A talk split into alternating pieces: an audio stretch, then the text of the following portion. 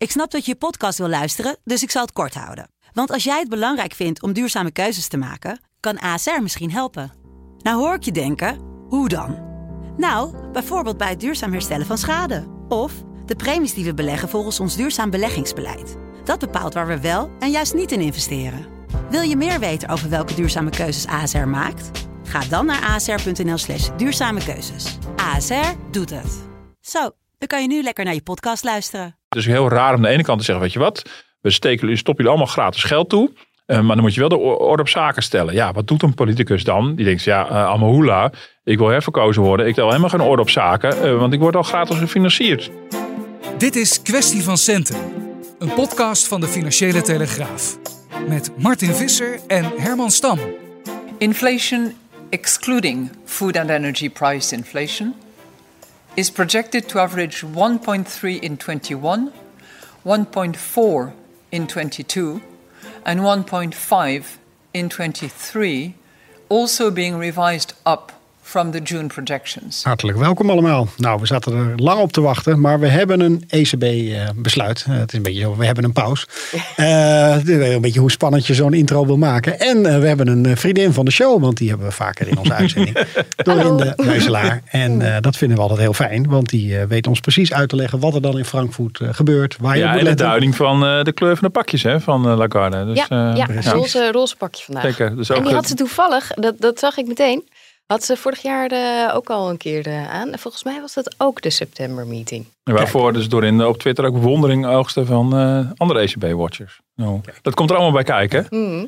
Voor het geval u denkt, waar gaat Jullie dit allemaal dat het heel over? is, dit maar gaat over een besluit over van de Europese Centrale Bank. Ik praat gewoon lekker door in Frankfurt. En eh, dat vinden beleggers belangrijk. Maar dat is uiteindelijk, en dat is misschien een beetje te veel platgeslagen, maar is uiteindelijk belangrijk voor ons allemaal. Daar gaat Dorinde van alles over uitleggen. Maar eerst gaan we gewoon eens eventjes naar die persconferentie zelf. Want eh, je let dan op de pakjes, maar je let uiteraard, is een beetje gekscherend, maar je let op veel meer. En laten we gewoon eens met het belangrijkste nieuws eh, gebeuren, eh, beginnen. Wie hebben er gewonnen? Dat, we maken er gewoon een lekkere wedstrijd. De havik of de duif? Hè? Dat is een beetje de, de, de uitleg bij dit soort vragen. Ja, nou, korte antwoord, de duiven. Mhm. Het lange antwoord, ehm, ja, binnen ECB-woordjes heb je een beetje, je hebt, je hebt twee stromingen binnen, binnen centrale bankiers. Eh, dat zijn de haviken, die willen altijd een streng monetair beleid en een beetje zuinig aandoen en eh, niet te veel de economie stimuleren als dat niet nodig is. Nou, dan vallen Nederland en Duitsland eh, onder andere onder.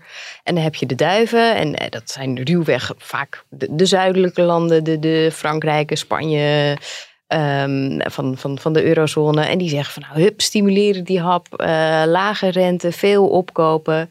En daar is best veel, ja, daar zit natuurlijk heel veel tegenstelling tussen. Ook omdat het heel verschillende economieën zijn. Maar ja, je zit allemaal in één, eh, in één Europese centrale bank. Je hebt één beleid, één rente. Dus dan moet je samen een beetje uitkomen wat, wat die koers dan wordt. En eh, het besluit van vandaag. eh, nou, ik zal zo meteen even zullen we het over het besluit zelf Mhm, gaan, ja. gaan hebben. Maar het besluit van vandaag is wel een. Als ik het. Ik kijk ernaar met het idee van. Nou ja, de duiven hebben gewonnen, want de ECB is heel voorzichtig. Eh, ze hebben heel veel belangrijke besluiten, beslissingen hebben ze doorgeschoven tot, tot later in het jaar. En eh, wat de ECB eigenlijk nu nog steeds eh, blijft doen, is heel erg die economie stimuleren. Ja. En zie je dan bij zo'n eh, persmoment, want Lagarde gaat dan altijd de pers eh, toespreken. Zijn, zijn die haviken dan zitten op de achtergrond een beetje zitten te kijken? Of- eh, te, te, te flapperen Nee, en boos. ze zijn er wel Nee. natuurlijk, want namens ons is Klaas Knot altijd... Ja, maar die zie je helemaal niet. Nee, Lagarde doet, die staat in er eentje de pers te woord. Er is nog wel de vicepresident bij. Dat is de Guindos, Luis de Guindos, de Franse, nee, de Spanjaard. ah ja. En, en de perschef. Mhm. Maar de, de verdere, er wordt natuurlijk wel altijd gevraagd van, goh, was dit nou een unaniem besluit? En ze zei, ja, dat was het. Maar ik heb daar een beetje mijn twijfels bij. Ja. En we weten van onze eigen Klaas Knot, de president van de Nederlandse Bank, dat hij eigenlijk ook enigszins bij het haviken kamp hoort, toch? Of, Ja, nou ja, centrale bankiers houden er eigenlijk helemaal niet zo van om, eh, om heel erg in dat ene of het andere kamp eh, eh, ge- geduwd te worden. Maar hij is altijd wel heel kritisch. Zeker onder, onder Mario Draghi, dat was de vorige ECB-president, was hij altijd heel kritisch eh, op, op het beleid. En eh, nou ja, gezien eh, Lagarde dat, dat beleid in grote, grote lijnen voortzet, kan ik me zo indenken dat hij daar ook heel kritisch op is. Hij heeft ook inderdaad recentelijk nog interviews gegeven. waarin hij duidelijk natuurlijk weer zijn mening bekend maakte. En dat was, ook, dat is ook de manier waarop ze proberen natuurlijk een beetje de publieke opinie te bespelen. En ook een beetje voor te sorteren op zo'n op zo'n ECB-vergadering. En ja, er zijn natuurlijk wel degelijk momenten dat iemand als Klaas Knot en ook wel de Duitser uh, zich, precies wel zich er graag op laten voorstaan dat ze in de Havikenkamp zitten. Omdat ze Mm. natuurlijk ook zichzelf een beetje willen profileren. Ehm, ja, dus en, en dan is het natuurlijk in het verleden ook wel voorgekomen dat je zei van zitten ze dan op de achterste rij. En mensen zijn ze onderweg naar huis. En dan eh, onder, proberen ze natuurlijk onderweg te volgen wat er precies wordt gezegd. En ik weet in ieder geval uit de tijd van, eh, van de voorganger Mario Draghi. Dat dan Klaas Knot op de achterbank van zijn, eh, van zijn auto zegt. Ik zat te verbijten over wat Draghi dan zogezegd allemaal namens het, voltallige bestuur zat te zeggen. Ehm, nou, het schijnt dat Lagarde een wat coöperatieve, meer coöperatieve stijl van, van besturen heeft. Zijn irritaties lijken wat minder. Maar ja, dat betekent niet dat, dat de Nederlandse centrale bank hier altijd zijn zin krijgt in dat bestuur. En de truc voor jullie als journalist is dan eh, bellen met de woordvoerder van eh, Klaas Knot of een andere. Van joh, wat vind je er op dit moment van? Of, Nou ja, dat is soms wel heel lastig. Want ehm, kijk, centrale bankiers zijn ook wel weer heel voorzichtig en terughoudend om te vaak olie op het vuur te gooien. Dus die, die momenten zijn natuurlijk wel degelijk geweest. Ehm, er zijn natuurlijk in het verleden, dat is eigenlijk in de, in de naweeën van de eurocrisis, natuurlijk wel degelijk hele heftige discussies geweest binnen de Europese Centrale Bank over dat opkoopprogramma. Want daar hebben we het steeds over. Hè? Over het opkopen van staats, eh, staatsleningen en andere obligaties. Ehm, en daar zijn natuurlijk wel momenten dat die centrale bankiers ervoor kozen om die publiciteit dan wel in een interview, dan op andere manieren wel te bespelen. Mhm. Maar het is weer niet zo dat ze voortdurend eh, aan het lekken zijn. En eh, daarvoor is die, is die functie ook iets te precair. Omdat de financiële belangen gigantisch zijn. Je kan niet meer zo vrijblijvend een beetje gaan zitten stoken. Mhm. Zoals eh, vanuit de politiek Den Haag wel gebeurt. eh, waar, dat is heel gebruikelijk daar. Ja, die markten reageren als een gek. Het, is, het gaat ook veel meer op basis van, van vertrouwen en vertrouwelijkheid. Dus, dus men is daar toch ook wel wat voorzichtig mee om dat gewoon consequent eh, te doen. Maar het gebeurt Ja. natuurlijk wel. En ze zitten daar ook, hè, binnen die bestuurskamer in Frankfurt, hoorden ze daar ook niet te zitten met hun Nederlandse of Franse of Portugese pet op. Je zit daar als één ECB-bestuur en je maakt dat beleid gezamenlijk. Ook gewoon niet chic om dan achteraf te gaan zeggen, ja, pff, ik vind het helemaal niks, eh, Christine. Ja, Maar goed, je loopt lang genoeg mee om te weten dat ze eigenlijk wel een beetje ook voor het eigen belang daar zitten, toch? Nou ja, d- d- Ja, ja. ja. ja. Maar Dus het is- even. Het is niet toevallig dat de noordelijke landen ongeveer de haviken zijn en de zuidelijke ongeveer, ongeveer de duiven. Je kan ook zeggen dat reflecteert de politieke cultuur die er is. Ik bedoel, dat is ook, maar, maar je ziet ook wel dat er wel degelijk een belang is van. eh, en ik, ik zal niet zeggen dat elke centrale bankier één op één alleen maar zijn nationale belang vertegenwoordigt.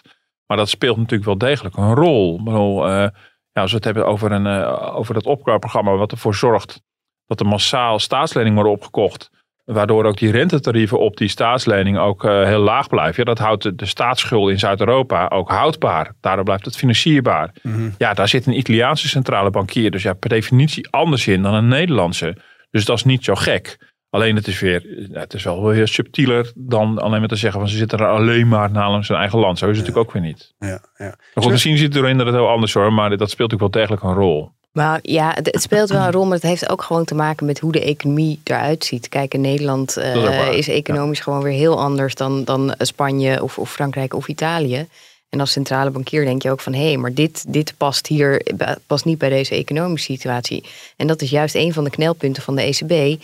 Dat je eigenlijk een heel, heel algemeen beleid voert, terwijl er hele grote verschillen tussen de landen zijn. Maar Ja. feit is natuurlijk ook dat inmiddels de ECB ongeveer een derde van de, de, de, de staatsschulden van de eurolanden heeft opgekocht. Mm. Eh, om en nabij. Ik geloof dat het net onder een derde zit, 30 procent zoiets.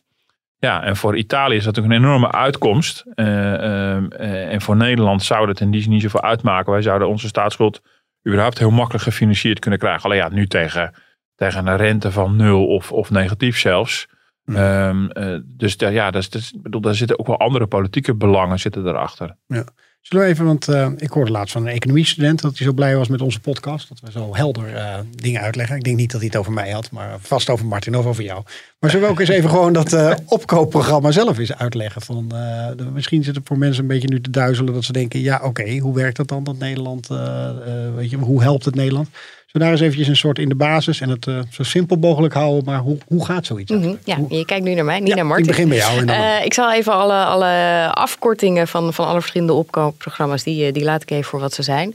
Maar als de ECB, die, die gaat dan in de markt, die zegt we gaan obligaties opkopen. Dus er komt een hele grote, grote koper. Dus dan stijgt de vraag en dan daalt de rente. Dus dat betekent als de ECB al, die, al dat staatspapier gaat, gaat opkopen, dat betekent dat de rente voor, voor uh, Europese overheden gaat dalen. En dat was bijvoorbeeld tijdens de coronacrisis heel gunstig. Want al die overheden gingen programma's optuigen om, om bedrijven overeind te houden, om uh, mensen die dreigen hun baan te verliezen, om die uh, ja, ook WW-programma's en zo uh, in te richten. Ze moesten daar heel erg veel voor lenen. Nou, als de rente daarop heel, heel hoog wordt, mm -hmm. is dat heel vervelend. Want dan kunnen al die landen, ja, die dreigen dan misschien niet meer aan hun verplichtingen te kunnen voldoen. Dus de ECB zei van, nou, hè, omdat het nu crisis is, gaan we al die obligaties opkopen. Ze hebben een programma opgetuigd van, op dit moment is dat in totaal 1850 miljard. Dat is echt Ja, waanzinnig groot hem Dat is alleen maar een coronaprogramma, hè? Dat is alleen nog het coronaprogramma hebben we het nu over. Ehm, dat bedrag van 1850 eh, miljard is ook ongeveer even groot als eh, overheden aan schuld hebben uitgegeven de afgelopen jaren sinds, sinds de corona. Dus ja, dan krijg je een soort die happen dat allemaal op, zeg maar. Ehm, een coronacrisis is ook niet de eerste keer dat de ECB eh, met zo'n opkoopprogramma is gestart. Hebben ze eigenlijk in na, na sleep van de eurocrisis zijn ze daarmee begonnen. Toen zeiden ze van nou, hè, de, inflatie moet, uh, moet omhoog, dus we gaan, gaan obligaties opkopen. En uh, dat programma wat ze al veel eerder starten, dat loopt ondertussen ook nog. En dat is even goed om, om in je achterhoofd te houden. Kijk, nou, hartstikke mooi. Uh, dan gaan we even naar uh, Havik uh, Martin Visser. Want die vindt dit gratis geld en Ja. te makkelijk maken voor Nou ja, het, heeft wel, het heeft heel veel risico's en nadelen in zich. En op zich, centrale bankiers weten dat ook wel. Maar die schatten dus in dat de voordelen groter zijn dan de nadelen. Kijk, wat, wat natuurlijk de centrale bank natuurlijk doet, heeft natuurlijk renteinstrumenten. En normaal gesproken heb je gewoon een officieel rentetarief. Maar dat staat al, al weet ik veel hoe lang, op 0%. En dat is dan een korte rente. En dan, eh, nou, en dan heb je nog dat andere waar we het ook wel eens over hebben gehad. Is dan wat banken aan rente krijgen als ze tijdelijk hun geld bij, de, bij Frankfurt, eh, bij de ECB onderbrengen. Nou, dat, dat rentepercentage is ook een hele lange tijd negatief. Dus banken moeten geld toeleggen. Nou, dat merken we bijvoorbeeld op de spaarrekeningen. Dat stap voor stap spaarrekeningen uh, ook met, uh, spaarders ook met negatieve rente te maken krijgen. En dit programma, wat er net uitlegt, ja, dat beïnvloedt al die andere rente, uh, kortere, kortere en langere rentepercentages. Um, dus, dus dat zijn eigenlijk een beetje die knoppen waar de, waar de ECB dan aan draait. En wat ze natuurlijk zitten te doen is uh, op, op alle mogelijke manieren om lenen zo goedkoop mogelijk te maken. Mm-hmm. Ze hebben het steeds over, voor mij vandaag ook weer in die persconferentie, over de financieringscondities. Ja. Dat is steeds het argument ook. Want alleen uh, als die financieringscondities op orde zijn, dan, dan, dan dringt het monetaire beleid ook door tot de economie. En ze, ze bouwen een hele redenering op waarom het logisch is om dit allemaal te doen. Uh, terwijl de ECB eigenlijk alleen maar uh, naar inflatie, uh, enige inflatie daarop koerst. Ja. in want, want, dat moet je even uitleggen, want boven de 2% dan vinden ze eigenlijk dat ze op een gegeven moment... Nou ja, onder de 2% vinden ze ook vervelend. De inflatie, het doel was altijd proberen om net onder de 2% uit te komen. Nou, sinds kort is dat, is dat gewijzigd dat dat gemiddeld op de 2% moet zitten. Dus dan mag een tijdje erboven zitten, een tijdje eronder. Maar we hebben sinds de eurocrisis al heel lange tijd te maken met een heel lage inflatie. Zelfs een tijdje dat er angst was voor deflatie. Nou, ik krijg het deflatiespook, maar goed, dat is een heel verhaal op zich. Mhm. Um, maar wat je natuurlijk nu ziet, is dat de centrale bank nu al jarenlang bezig is om die staatsobligaties op te kopen. Uh, en dat heeft als effect uh, A, dat het voor overheden wel heel makkelijk wordt om schulden te maken. Want ze, ze, ze, kun, ze kunnen heel makkelijk die staatsleningen kwijt, namelijk aan de ECB. Weliswaar niet rechtstreeks. Uh, de ECB die, drukt, die koopt het niet rechtstreeks van, van Italië op, maar haalt het uit de markt. Mhm. Maar de facto kan je heel makkelijk je staatsschuld financieren. Dus dat maakt overheden ook lui. Terwijl ze tegelijkertijd zeggen, ja, maar je moet wel hervormen en uh, je moet wel uh, Ja. de boel op orde houden. Dus dat is een ding. Pensioenfondsen merken dat. Ik bedoel, voor pensioenfondsen is een rentetarief, een rentepercentage ook heel erg relevant. Uh, ze zien dat de toekomstige verplichtingen heel erg duur worden als die rente extreem laag is. Nou, in Nederland weten we er alles van. Het gaat nu de laatste tijd ietsje beter. Dankzij de, de, rente die een beetje stijgt. Spaarders hebben het mee te maken. Ja, en wat ik gewoon heel, wat ik nog steeds heel contra-intuïtief vind. En ook wel een beetje tricky. Is dat natuurlijk we komen uit een schuldencrisis. Met die kredietcrisis. De eurocrisis was een schuldencrisis. En die lossen we eigenlijk op door ja, bedrijven, overheden, consumenten. Toch weer schulden aan te praten. Het is gewoon een voortdurende beloning voor het maken van schulden. En een ontmoediging voor te sparen. En um, nou, dus ik vraag me af of, de, of, dat op de lange duur heel verstandig is. Je ziet Mhm. ook de totale schulden, opgeteld van alle publieke en private schulden, niet alleen in Europa, maar wereldwijd, enorm toenemen.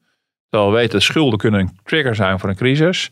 En wat je natuurlijk ook nog eens een keer merkt, dat um, de, de veilige belegging die een staatsobligatie is, die, die wordt zo oninteressant en onrendabel gemaakt voor, uh, voor een gewone belegger. Dat iedereen massaal uh, naar riskantere beleggingen rent. CQ vlucht, aandelen, maar bijvoorbeeld ook de bitcoin of allerlei vastgoed. Dus je, je stimuleert het, het, het speculatieve gedrag bij uh, mensen. Nou, dat begint misschien bij, bij beleggers die die, die die risico's al aankunnen of kunnen inschatten. Maar op een gegeven moment als je zelfs ervoor zorgt dat grote spaarders uh, rente moeten gaan betalen over een spaarrekening, worden zelfs die op een gegeven moment ook gestimuleerd en zeggen, weet je wat, ik koop er liever bitcoins voor. Ja. Dat je dus heel onlogisch en, en riskant, irrationeel gedrag zit aan te jagen. Maar, maar Nederlanders zijn uh, spaarkampioen. Die laten zich eigenlijk niet zo daar. Nou ja, de Nederlanders zijn weer zo bijzonder dat, dat je bijna zou zeggen dat hoe lager de spaarrente is, hoe, uh, hoe, hoe, harder er gespaard wordt. Ja, is... Maar ook in Nederland zie je natuurlijk wel degelijk dat er een vlucht is in aandelen. Je ziet natuurlijk ook wel de bitcoin.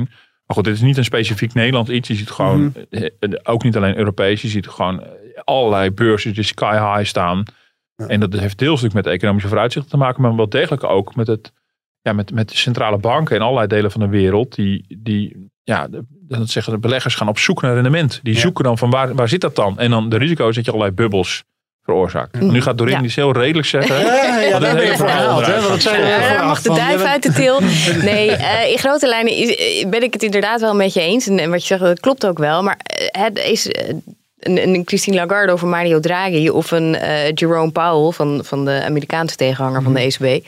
die zeggen van ja, weet je, wij, wij moeten dit, wij hebben een, een mandaat... en dat is die inflatiedoelstelling. Wij zien dat dat te laag is. Dus wij moeten daar iets aan gaan doen. Ja, dat is nou eenmaal onze taak... Eh, en overheden die moeten orde op zaken stellen. En dat doen ze niet. Ja, dat moet. Dat, dat, maar ja, daar, daar moet wel degelijk iets gebeuren. Daar moeten dingen hervormd worden. Daar moet, eh, daar moet van alles aan gedaan worden. Daar moet je gewoon voor zorgen dat je toekomstige groeimodel op orde is.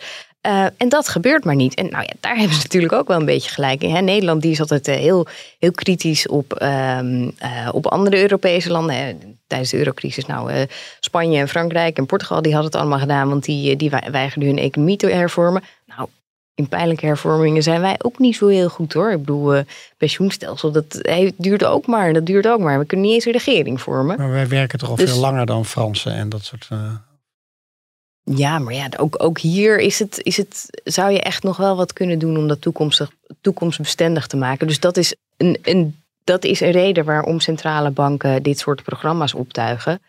Ehm, en dat is ook niet iets wat, wat je alleen bij de ECB ziet. Eh, de Federal Reserve, dus in de VS, die zijn ook al heel lang bezig. Zijn ook, ook na de vorige crisis al begonnen met, eh, met obligaties opkopen. Eh, in het Verenigd Koninkrijk doen ze het ook. Dus en ja, dat, dat beleid van die centrale banken, dat jaagt schulden aan en ehm, dat drukt de rente. Maar zelfs, zelfs zonder, hè, als je het hele, hele beleid van centrale banken weg zou denken, dan zijn er echt nog steeds structurele factoren waarom die rente laag zou zijn en waarom de inflatie laag is. Ehm, dus ja, zeg, hè, dat, dat, dat spaarders en pen, eh, pensioenfondsen het allemaal moeilijk hebben. Ja, kijk, als er geen centrale banken waren geweest, dan waren ze nog steeds niet, eh, niet per se heel blij. Wel iets blijer dan nu, maar weet je, dat is niet, niet, niet de hoofdmoot, zou ik Nee, dat is zeggen. natuurlijk ben ik helemaal met je eens hoor. Dat is wel waar. Dat is, bedoel, er zijn natuurlijk gewoon Eigenlijk zijn we allebei heel redelijk. Ja, ze zijn dat heel erg redelijk, maar ik net iets van de andere kant. Er zijn natuurlijk ook gewoon allerlei structurele redenen waarom de rente heel laag is. Er zijn natuurlijk enorme spaaroverschotten in de wereld. We sparen ons helemaal te pletter. Er zijn heel veel westerse economieën die zwaar aan het vergrijzen zijn. Die, die allemaal sparen voor hun pensioen. Dat geld komt allemaal ergens naartoe. Dus de rente zou sowieso heel laag zijn. Daar ben ik het helemaal mee eens. Wat je natuurlijk wel ziet, is dat, is dat de ECB zich steeds meer in een politiek vaarwater begeeft. En dat is uitgerekend natuurlijk in het eurogebied ingewikkelder. Omdat je dan natuurlijk te maken hebt met allerlei verschillende eurolanden. Dus je gaat je in een veel, eh, veel gevoeliger eh, politiek eh, gebied begeven. Dan bijvoorbeeld de Federal Reserve in Amerika. Die gewoon, heb je één centrale bank. Nou ja, dat is iets versimpeld. Maar goed, het is een verzameling meerdere centrale banken. Maar je hebt de Fed en, en de Amerikaanse overheid. Je hebt niet allerlei verschillende regeringen of iets dergelijks. We hadden het in het begin al even over. Er is één ECB-beleid. Maar er zijn echt heel veel verschillende soorten economieën in Europa. En wat je natuurlijk wel, wat je natuurlijk wel doet, is dat formeel wordt steeds gezegd, ja, we hebben een- alleen maar een inflatiedoelstelling. Maar in principe zijn ze nu ook al bezig met de financieringscondities. Of bedrijven wel eh, tegen laag genoeg rente kredieten kunnen eh, eh, krijgen. Je ziet dat er in de afgelopen tijd steeds explicieter ook de financieringscondities van overheden gewoon wordt benoemd. Er wordt niet eens meer omheen gedraaid. Dan ga je heel erg aanschurken tegen monetaire financiering. Dat is namelijk het rechtstreeks financieren van overheden als de ECB. is ook heel Best verlokkelijk. opvallend inderdaad. Dat hè? is heel opvallend. Dat- Ik, ja, weet je, Dorinde is een veel grotere watcher dan ik. Die, die volgt echt alles. En ik meer de hoofdlijnen. En we moment hadden een interview met Klaas Knot. En ik viel echt van mijn stoel van wat hij allemaal zei. Over ja, dat het ook een beetje de bedoeling was om overheden een beetje te helpen. Met de bedoeling dat overheden het stokje zouden overnemen. Eh, eh, eh, ik- oh ja, dus zover zijn we al gekomen dat we er niet meer omheen draaien. Dat de ECB dus een soort helpende hand toesteekt aan overheden om die economie te gaan stimuleren. En je maakt dus regeringen heel erg lui. Het is heel raar om aan de ene kant te zeggen, weet je wat, we steken, stoppen jullie allemaal gratis geld toe. Eh, maar dan moet je wel de orde op zaken stellen. Ja, wat doet een politicus dan? Die denkt, ja, uh, Amahula, ik wil herverkozen worden. Maar ik stel, mooi is hiermee. ja, ik, eh, ik stel helemaal geen orde op zaken, eh, want ik word al gratis gefinancierd. En nu zie je dus precies wat, wat er natuurlijk nu in deze rentevergadering gebeurt. Is precies waar ik al bang voor was. Dan zit je op een gegeven moment, dan loop je, natuurlijk, dan loop je daar als, als, als centrale bank in vast. Je kan op een gegeven moment ook bijna niet meer terug. Want sommige Europese landen komen op een gegeven moment ook in, eh, dreigen dan in, in, schuldproblemen te komen als de ECB zich echt zou terugtrekken. En dan zie je dus dat de ECB het ongelooflijk moeilijk vindt om een terugrekkende beweging te maken. En dan krijg je een van een laf compromis. Waarbij al lang was gezegd, we gaan eh, in de komende maanden, richting maart, zouden ze het programma gaan afbouwen. Nou, in plaats van dat nu te concretiseren, zeggen ze, nou weet je wat, we gaan een heel klein beetje minder opkopen. eh, en dan zien we in december wel weer verder. En alle analisten gaan er al van uit dat als het coronaprogramma wordt verkleind, dat waarschijnlijk het nog steeds op de achtergrond lopende programma vanuit de eurocrisis, dat dat misschien in de loop van de tijd weer wordt verhoogd. En dat opnieuw gekeken gaat worden van, ja, wij zouden max een derde van, eh, van de, de, de, de schulden per land opkopen. Maar misschien moeten we daar toch opnieuw naar gaan kijken. Ja, dan krijg je toch een situatie waarin die twee regeringen, en de ene kant de regering en de andere kant de ECB, tot elkaar veroordeeld zijn. En daar niet meer eh, onderling uitkomen. Daar heb ik grote, eh, ja, toch wel grote moeite mee. Nou ja, en dat is precies waar, waar, waar het heel erg moeilijk loopt. Want kijk, in tijden van crisis, daar, nou ja, in maart 2019 is de ECB kondigde heel plotseling dat, dat enorme coronaprogramma aan. Want die zeiden, jongens, het gaat nu, het loopt helemaal uit de klauwen, we moeten nu ingrijpen. En daar waren zelfs Duitsland en Nederland, hè, die HAVIC, die waren het er hartstikke mee eens. Want Ja. die zeiden, jongens, dit is zo'n grote Bizar. crisis, hier moet je iets aan doen. En eh, dat was ook de reden dat, dat overheden al die programma's konden, konden optuigen. En dat de klap eigenlijk nog relatief beperkt is geweest. En dat doe je on- Maar het Sorry. punt is, wat, waar de centrale bank dan niet zo goed in is, is daar op tijd mee stoppen. Want weet je, na de crisis, ja, dan, dan, iets, dan, dan moet je ook zeggen, oké, nou moeten jullie er zelf doen. Hè? Brand is geblust, ga, ga nou maar weer orde op zaken stellen. En dat is wat er niet gebeurt. Want wat, je, hè, wat, wat even ruwweg de uitkomst van vandaag is, zegt ze van oké, nou hè, we hebben dat eh, coronaprogramma, loopt tot maart volgend jaar. We gaan heel klein tikje minder snel opkopen. Dus ze blijven gewoon nog steeds evenveel, maar gewoon in iets lager tempo. Ehm, nou, dan in december gaan ze definitief een beslissing nemen. Is tot nu toe de verwachting. Hè? Er kan nog een nieuwe golf komen. er maanden over praten. Precies. Ja. Ehm, dan gaan we knoop doorhakken of we inderdaad in eh, maart dan eh, dat het programma ook afloopt. Ja, kan nog een tijdje doorlopen. Andere programma loopt nog steeds. Wat je dan eigenlijk krijgt is dat ze precies hetzelfde bedrag blijven opkopen Ja. eh, vanaf volgend jaar. Maar dat het gewoon anders heet. Maar Dorinde, begrijp jij waarom het opkopen van staatsobligaties een oplossing zou zijn voor de coronacrisis? Nou, Of kan jij reproduceren wat de formele redenering dan is? De formele redenering is dat eh, het, het- ze moesten, daarmee geeft de ECB landen de ruimte om te investeren, om die economie, Precies, ja. om die economische Ja. klap eh, op te vangen. Ja. En dat, dat, dat is Ja, dan ben je dus terecht. gewoon op politiek terrein beland. Kijk, het was ook eerst de finan- financieringscondities. hè. Dat kwam natuurlijk ook in de rentevergadering vandaag weer terug. Nou, het is wel duidelijk waarom bedrijven niet investeren. Dat is niet omdat de rente te hoog is. Dat is gewoon omdat de coronacrisis was. Ik bedoel, come on. Bedoel, als de boel gesloten is, als alle branches dicht zijn, dan is het nogal wiedes dat bedrijven terughoudend zijn. Maar wat mijn grote bezwaar is, het, heeft- me ook verbijsterd dat een Klaas Knot en andere haviken wel akkoord zijn gegaan, eh, wel hebben ingestemd met dit coronaprogramma, terwijl ze eerder heel kritisch waren over, vorige opkoopprogramma's, is dat natuurlijk nu het, het, het massaal blijven opkopen van de schuld van allerlei landen een soort duizend dingen doekje aan het worden is.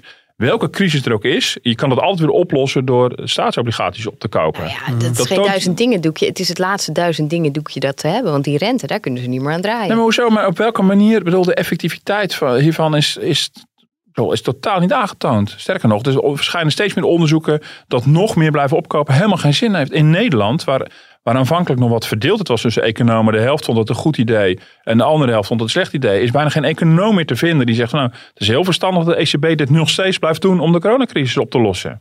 Ja, het, het probleem, ook- weet je, in het begin, toen ze net begonnen met opkopen, toen gaf het ook in. nou ja, impuls aan de economie. Toen, maar hoe langer je ermee doorgaat, hoe botter dat instrument wordt. En dat is wel echt een probleem. Maar hoe langer je ermee doorgaat, hoe moeilijker het, er ook, hoe moeilijker het ook is om, om terug, uh, terug te keren. Dat heb je bijvoorbeeld in het verleden gezien in, uh, in 2013 in de VS. Toen uh, um, kondigde de Federal Reserve aan. Die zei van nou, we denken na over het stoppen met steunen. Nou, dat gaf me een paniek op de markt. Daar zijn ze zich echt Mhm. kapot van geschrokken. En nu, weet je, al die, die, die koersen zijn hoger, die rentes zijn lager. Ehm, dus ja, je, je, het is een enorme, enorme zee van geld, zeg maar. En ieder, ieder steentje dat je erin gooit, veroorzaakt steeds grotere golven. Ja. Dat is het probleem. Daarom zie je bijvoorbeeld, hè, zo moet je die stap van vandaag ook een beetje zien. Het is een heel klein aanpassingje eigenlijk. Het is nog niet eens afbouw, het is een aanpassingje. aanpassingje. En zo hopen ze dat ze met iedere keer zo'n heel klein stapje, dat ze, dat ze de boel weer een andere, andere richting op krijgen. Maar Ja. Maar het Ja. perverse is natuurlijk wel een beetje. ehm, de ECB maakte zich er zorgen over inderdaad dat sommige eurolanden, lees Zuid-Europese eurolanden, niet in staat zouden zijn om de coronacrisis met eigen financieel beleid een beetje te pareren. Om flink geld uit, eh, uit de kast te trekken. Om, zoals we in Nederland hebben gedaan met tientallen miljarden in ons geval, eh, de economie te stutten. Nou, Mhm. daar, zouden, bedoel, daar hebben we een hele discussie over gehad ook in Brussel. t- tussen, nou, Wopke Hoekstra heeft daar een, een, eh, een glansrol in, in vervuld. Mhm. eh, tussen aanhalingstekens. Ehm, nou, daar komt dan een van de Europees fonds uit. eh, waarbij landen dus inderdaad gewoon voor weet ik veel hoeveel geld kunnen op gaan halen in Brussel. Om, om de eigen economie on- te ondersteunen. Nou, dat begint dan nu pas een beetje uitgerold te raken. Ehm, de Europese Centrale Bank eh, eh, komt natuurlijk met dit beleid om al die landen wel in staat te stellen om gewoon de financiën klaar te hebben, hebben staan. Maar ja, waarom zijn Zuid-Europese landen niet in staat om zo'n klap op te vangen? Omdat ze namelijk na de vorige crisis niet voldoende buffers hebben opgebouwd. En waarom is niet voldoende buffers opgebouwd? Omdat ze ook niet hoefden. Want ze konden lekker aan het strand gaan zitten. Want Mario Draghi, in de naam van mevrouw Lagarde, dacht weet je wat, we kopen alle rotzooi van jullie wel op en dan zien we wel weer. En wat doe je nu? Dan doe je dus opnieuw eh, het probleem bestrijden met datzelfde probleem. Ik bedoel, Dus er is geen enkele stimulans om dit op te lossen. En je ziet dus ook dat de ECB zich echt op politiek terrein aan het begeven is. Allemaal onder het mom van ja, maar anders dan stort de euro in. Ja, dat is ver buiten het mandaat. En dat maakt gewoon dus echt gewoon heel veel landen ongelooflijk lui. Ja, maar dan ga je wel- dat, dat is precies volgens mij meer je punt. Je, je, straks maar, sorry erin dat ik je onderbreek. Maar vooral die samensmelting van de eurozone waar je misschien... En, en, en de macht die naar Frankfurt en naar Brussel ook gaat op dit vlak. Nou ja, ik bedoel, kijk, het is natuurlijk een, een steeds politiekere agenda. Ik bedoel, Ja. Dat is natuurlijk al een ding. Waarbij natuurlijk, eh, dat, dat, dat zijn natuurlijk gewoon één tweetjes die daar natuurlijk aan plaatsvinden zijn. Bedoel, want ja, vanuit, vanuit Brussel, de Europese Commissie had natuurlijk ook een veel groter fonds op willen tuigen. Die wilde ook helemaal losgaan. Nou, dan staan sommige landen een beetje op de rem. Dus dan, krijg je, dan zou je kunnen zeggen, dat dan krijg je een, een uitkomst die niet helemaal ideaal is. Niet helemaal wat je zou willen, maar in ieder geval iets is beter dan niets. Maar ECB vult al die gaten natuurlijk gewoon op. Mhm. Ja. ja.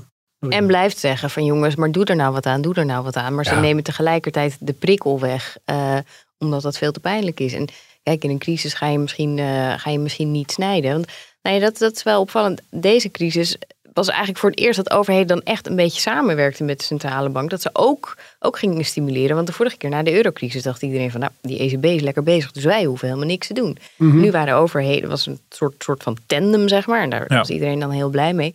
Want de vorige crisis, op een gegeven moment, toen was, was de bodem in zich. En toen, zei, toen zijn we allemaal gaan bezuinigen. En ge- duurde het allemaal veel langer. En daarom, denk, hè, daarom werd in Brussel gedacht van nou, dat moeten we niet meer hebben. Dan gaan we een soort investeringsfonds, zodat we daar structureel iets, iets aan kunnen doen. En zodat we die economie structureel verbeteren. Zodat, eh, zodat die landen beter straks zelf hun broek op kunnen houden. Mhm. En wat, want je beangst nog een beetje het beeld van, nou, ze kunnen niet meer echt een andere kant op. Wat moeten ze dan doen als die Delta-variant nog veel meer doorzet en het allemaal weer veel slechter wordt? Wat, Hopen dat er betere vaccins komen. Dat, ja, nou ja, daar, daar is het vandaag ook niet echt over gegaan. Maar dan krijg je toch meer van hetzelfde, schat ik in. Mhm. Ja, dat speelt natuurlijk wel een rol, toch? Bedoel, die Mm. Delta-variant was natuurlijk, dat zagen we aankomen, was een argument bijvoorbeeld voor de duiven om te zeggen, nou, dit is misschien niet echt het moment om al die, die afbouw in gang te zetten. Ehm, de- samenhangend met die op, oprukkende Delta-variant is natuurlijk ook dat de economische vooruitzichten gewoon her en der eh, verslechteren. Al geloof ik Nou, dat in de ramingen ja. van de ECB was dat natuurlijk niet zo voor Europa. Hè? Nee, want ze kwamen vandaag met nieuwe ramingen. En die waren eigenlijk echt, echt een heel stuk positiever. Daar waren ze eigenlijk best, best tevreden ook over hoe de Delta-variant zegt van... nou, weet je, nu gaat het echt wel weer, de, wel weer beter. Ehm tweede kwartaal liet ook een, een iets beter dan verwachte groei zien. Terwijl we in het eerste kwartaal van dit jaar voor de eurozone nog kleine krimp uitkwamen van 0,3 procent. Dus dat is nog niet eens heel erg de overweging. Ehm, maar eh, ze greep vandaag ook weer de inflatie aan. Want zeiden van nou, de inflatie is nu heel erg aan het stijgen. Maar volgend jaar ga je zien dat die weer inzakt. Dus we kunnen nog niet te veel afbouwen. En de Hm. reden daarachter is dat een ECB zegt van nou weet je, de economie is gewoon nog een beetje te zwak om nu al te gaan stoppen. Eh, want dan draai je, draai je dat herstel weer de nek om. Ja. Ja, en, en de ECB heeft natuurlijk onlangs inderdaad hun doelstelling bijgesteld. Bedoel Mhm. Dat de inflatie niet net onder de 2% moet zijn, maar dat gemiddeld 2%. Daarmee is natuurlijk ook ruimte om de inflatie ook langere tijd boven de 2% te krijgen. Mhm. Bedoel, eh, en Klaas Knot eh, die is allemaal niet bang dat dat gaat gebeuren. Maar dat is ook een perfect argument in handen van de duiven om te zeggen van nou, je kan die geldkraan eigenlijk nooit te ver openzetten. Want ja, als die inflatie wat langere tijd omhoog schiet, maakt niet uit als we gemiddeld maar op 2% uitkomen. En als je zou beginnen te tellen met de eurocrisis en al die tijd meetelt dat de inflatie ver onder de 2% zat, heb je heel veel ruimte. En die inflatie is, ik bedoel, dat lukt allemaal niet, de inflatie goed omhoog krijgen. Nu heb je een soort corona-effect, waardoor het toch gebeurt. De verwachting is tijdelijk. Maar een, een, een langdurige, wat hogere inflatie zou opnieuw voor Zuid-Europese landen ongelooflijk goed zijn. Om het inflatie infleren, gewoon de staatsschulden weg. Ja. Ook inflatie stimuleren is natuurlijk goed voor eh, mensen of landen of bedrijven met schulden. En slecht voor degene die spaart. Dus opnieuw in het nadeel van, van Nederlanders. Mhm. Hoe weten ze eigenlijk, eh, waarom zeggen ze dat die inflatie volgend jaar eh, weer wat minder wordt? Want nu hebben we klagen mensen over de, de prijzen bij de tank, voor tanken, nou noem maar op.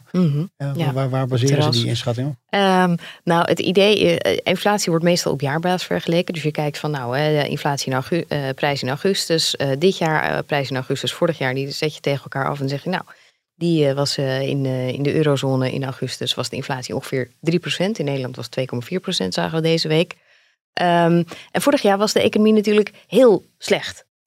Dus, waar de, ja, dan, dus dan heb je ook een heel veel lager niveau. En dan trekt de economie aan. Dus dan krijg je ook automatisch dat die, dat die inflatie veel hoger is. Maar ehm, en, en nou ja, als je dat begin volgend jaar gaat vergelijken met dit jaar, wanneer de economie wel weer goed draait, dan krijg je dus weer veel, veel lagere, lagere inflatie. En eh, daarom zeggen veel economen ook van nou, wij geloven dat die inflatie best, eh, best tijdelijk is. Dat zie je bijvoorbeeld, eh, in de olieprijs, olie, energie, eh, benzine. Dat zijn allemaal hele belangrijke bestanddelen voor die inflatie. En je zag ook dat de olieprijs van november tot maart, april dit jaar heel hard steeg. En sindsdien ook nog wel wat gestegen is, maar niet zo heel hard. Dus de ECB baseert zich daarop en zegt van nou, weet je, die inflatie is nu hoog, maar laten we niet snel stoppen. Eh, want, want straks zakt dat weer in en zitten we nog steeds niet aan ons doel. Ja. Eh, Martin, kan ik ook nog de gelukkige situatie krijgen van als die, of nou ja, eigenlijk ben ik nu gelukkig met mijn hypotheekrente, maar die kan dus ook op een gegeven moment wel gaan oplopen als op een gegeven moment ook die rentetarieven Ja, dat is, ik bedoel, dat, is, ik bedoel, dat is het goede nieuws ook van Nederlanders. Dat is iets wat Klaus Knot ook vaak in een bijzin, op zijn minst in een, in een interview graag even zegt. De verdediging van, eh, van dit wonderlijke ECB-beleid eh, is dat het voor huizenbezitters heel gunstig is als jij een eh, hypotheek afsluit. Ik bedoel, die hypotheekrente is natuurlijk ook heel erg laag. Ook Ja. een van die rentetarieven die afgeleid is natuurlijk van, van die rentes die de ECB eh, beïnvloedt. En natuurlijk, eh, bedoel, je zag de laatste periode al op een gegeven moment dat de rentes iets een beetje begonnen op te lopen, waar pensioenfondsen van profiteren. Nou, dat zou ook, ja, ik ga geen rentevoorspellingen doen. Hm. Maar dat, dat, dat merken natuurlijk, huizenkopers merken natuurlijk ook dat de rente Ja. weer iets stijgt. Maar goed, weet je, dan, je komt van een extreem laag, extreem laag niveau. Dus ja, de- voor mij is er geen, eh, geen enkele economische analyse die erop wijst dat we ineens met een torenhoge hypotheekrente of zo zitten. Dat, daar ziet het helemaal niet naar uit. Mhm. Maar natuurlijk ook de hypotheekrente beweegt hierop mee. Ja. Ja, helder. Hey, En eh, je zei al eventjes, eh, het is weer helemaal wachten tot december. We gaan je wel eerder uitnodigen in deze show, maar daar gaat het niet om. Maar wat voor een soort eh, hete herfst krijgen we tussen de haviken en de duiven? Gaan nou ja, dat wordt heel, heel saai. Nee, nou... Nou, lekker, lekkere teaser. Ja, jongens, alles komt in december. Nee, want al die beslissingen die, die echt spannend zijn, eh, van wanneer stoppen ze ermee, eh, met, met het coronaprogramma en wat wordt er dan overgenomen door dat andere programma en hoe zorgen ze dat er genoeg schuld beschikbaar blijft die ze allemaal op mogen kopen. Al die heel cruciale beslissingen, die hebben ze doorgeschoven naar december. Ehm, nou, daartussen zit ook nog een vergadering. En nou, in die tijd zullen ze heel langzaam de markt een beetje proberen in te, in te masseren. Wat, wat er aan gaat komen. Want die markten zijn hier heel erg gevoelig voor. Dit is belangrijk voor aandelen, voor obligaties, voor de rente, voor de euro. Voor nou ja, alle, alle rentes waar wij zelf ook mee te Mhm. maken hebben. Voor bedrijfsleningen, voor hypotheekrente. Dus ja, dan kan je niet van de ene of de andere dag zeggen... nou jongens, we stoppen ermee. Want het- dan, ja, dan dender- donder dat systeem in elkaar. Dus dan gaan ze heel langzaam waarschijnlijk een beetje proberen... Ja, die koers uit te stippelen en alle, alle koppen bij elkaar. En dan hopelijk dat er in december iets komt. Maar ja, het kan ook zomaar zijn dat ze in december zeggen van... ja, ah, het is nou te weinig tijd. Dus we hebben nou nog wel wat extra tijd nodig, jongens. Dus we gaan, we gaan nog even door. Heb jij nog even de geheime tip als, uh, als uh, watcher waar we op moeten letten? Wat, uh, wat, wat zijn de subtiele hints in, dit, in deze strijd? Oeh, ja, nou ja, dat, ik weet niet of, of, de lezer er, of de luisteraar er echt op zit te wachten. Maar dan moet je gewoon de, de, de toespraken. Philip Lane, dat is de, de hoofdeconoom van, van de ECB. Dus die ja, weet je, Lagarde is de president, maar zij is eigenlijk geen econoom. En Philip Lees had een beetje aan het hoofd van dat hele economisch bureau daar. Mm um, dus die en, is belangrijk. is dat volgens mij, of niet? Ja, ja dat is een Ier. Ja, we hebben hem een keer uh, geïnterviewd. Uh, mm Heel charmant accent. Uh, staat ook bekend als een ontzettend goede monetair econoom. Maar is wel echt een volger van, van, van die economische stroming van, van Draghi, zeg maar. Dus niet per se een goede vriend van Klaas Knot. Mm Um, wie ook heel belangrijk is, is Jens Weidman. Maar hij gaat op een gegeven moment misschien in interviews een soort kleine hint al op Ja. Dan, of dan gaat hij zeggen van nou, de economie uh, sterkt aan. Uh, Jens Weidman is ook een, een belangrijke, is de, de Duitse centrale bankpresident. Dat is de belangrijkste ja, uh, opponent van... Weet je, die, die gaat ook weer op, op de trom slaan als hij denkt, jongens, dit gaat niet de goede kant op. Mm. Dan, gaan, dan gaan, ze, gaan zij ook weer meer interviews geven. Dus op die manier moet je een beetje zo de hints eruit uit destilleren. Helder. Nou, ik heb het altijd al willen zeggen. We gaan het op de voet uh, volgen toch de komende tijd. Uh, Martin, met jou, ja? Ben je een beetje overtuigd ook van de kant van de, van de duiven? Of, uh, nee. nee? nee. Nou ja, daar wil ik nog wel een, een klein ding. Wat misschien wel echt belangrijk is om, om, om mee te geven. Roekoe.